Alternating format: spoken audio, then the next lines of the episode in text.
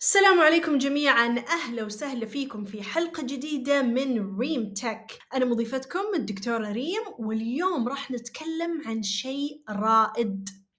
تخيلوا عالم يكون فيه مساعدك الشخصي اللي يستخدم تقنيات الذكاء الاصطناعي مو على شكل هاتف جوال ولا هو على شكل شاشة بل على شكل بروش أو دبوس أنيق ومبتكر تقدر تلبسه على ملابسك. صح اليوم راح نتكلم عن مستقبل Humane's AI Pin خلونا نبدأ بس قبل ما نبدأ لا تنسون تضغطون على زر الاشتراك في القناة علشان تكونون على اطلاع دائم بكل ما يتعلق بالتكنولوجيا. okay أنا أتمنى أن صوت القطاوة ما يكون طالع.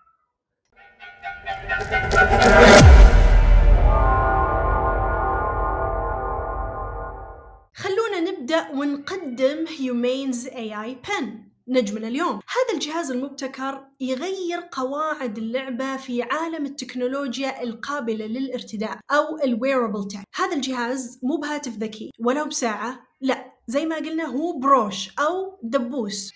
هو مساعد شخصي صغير وقوي جدا يستخدم تقنيات الذكاء الاصطناعي علشان يحدث ثورة في طريقة تفاعلنا مع التكنولوجيا. شركة Humane كشفت عن هذه الأعجوبة وقالت أنها راح تطلقها رسميا في شهر نوفمبر يوم تسعة.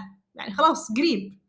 لكن إيش اللي يجعل هذا الدبوس مميز؟ خلونا نتكلم عن تصميم ومميزات هيومين اي اي بن هذا الجهاز هو عبارة عن جهاز عرض أو بروجيكتور قابل للارتداء أنت تلبسه ويعرض المكالمات الواردة التطبيقات المساعدات الصوتية يا إما على يدك أو على أي سطح آخر. هذا الدبوس اللي حجمه قد الإصبع يجي مزود بكاميرات تقدر تمسح وتفسر المحيط اللي حوالينك وأيضا يحتوي على أجهزة استشعار مخفية ومكبرات صوت مدمجة علشان تساعدك في تنفيذ مهامك اليومية. لكن اللي يميز هذا الجهاز هو برامج الذكاء الاصطناعي المصممة خصيصا لهذا الجهاز بالإضافة إلى أنه يستخدم مع هذه البرامج GPT 4 اللي اللي وش؟ بالإضافة لحظة لحظة دقيقة. يستخدم GPT 4 اللي أنتجته شركة OpenAI واللي يعتبر الأحدث في نماذج لغة الذكاء الاصطناعي. هذه البرامج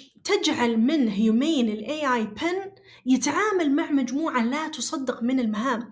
يعني أنت تقدر تستخدم هذا الدبوس علشان تجري مكالمات وتقدر تستخدمه علشان تترجم كلام من لغة إلى لغة أخرى وأيضا علشان تفهم المعلومات الغذائية اللي موجود في قطعة حلوى ممكن أنت تاخذها من البقالة أو من أي مكان.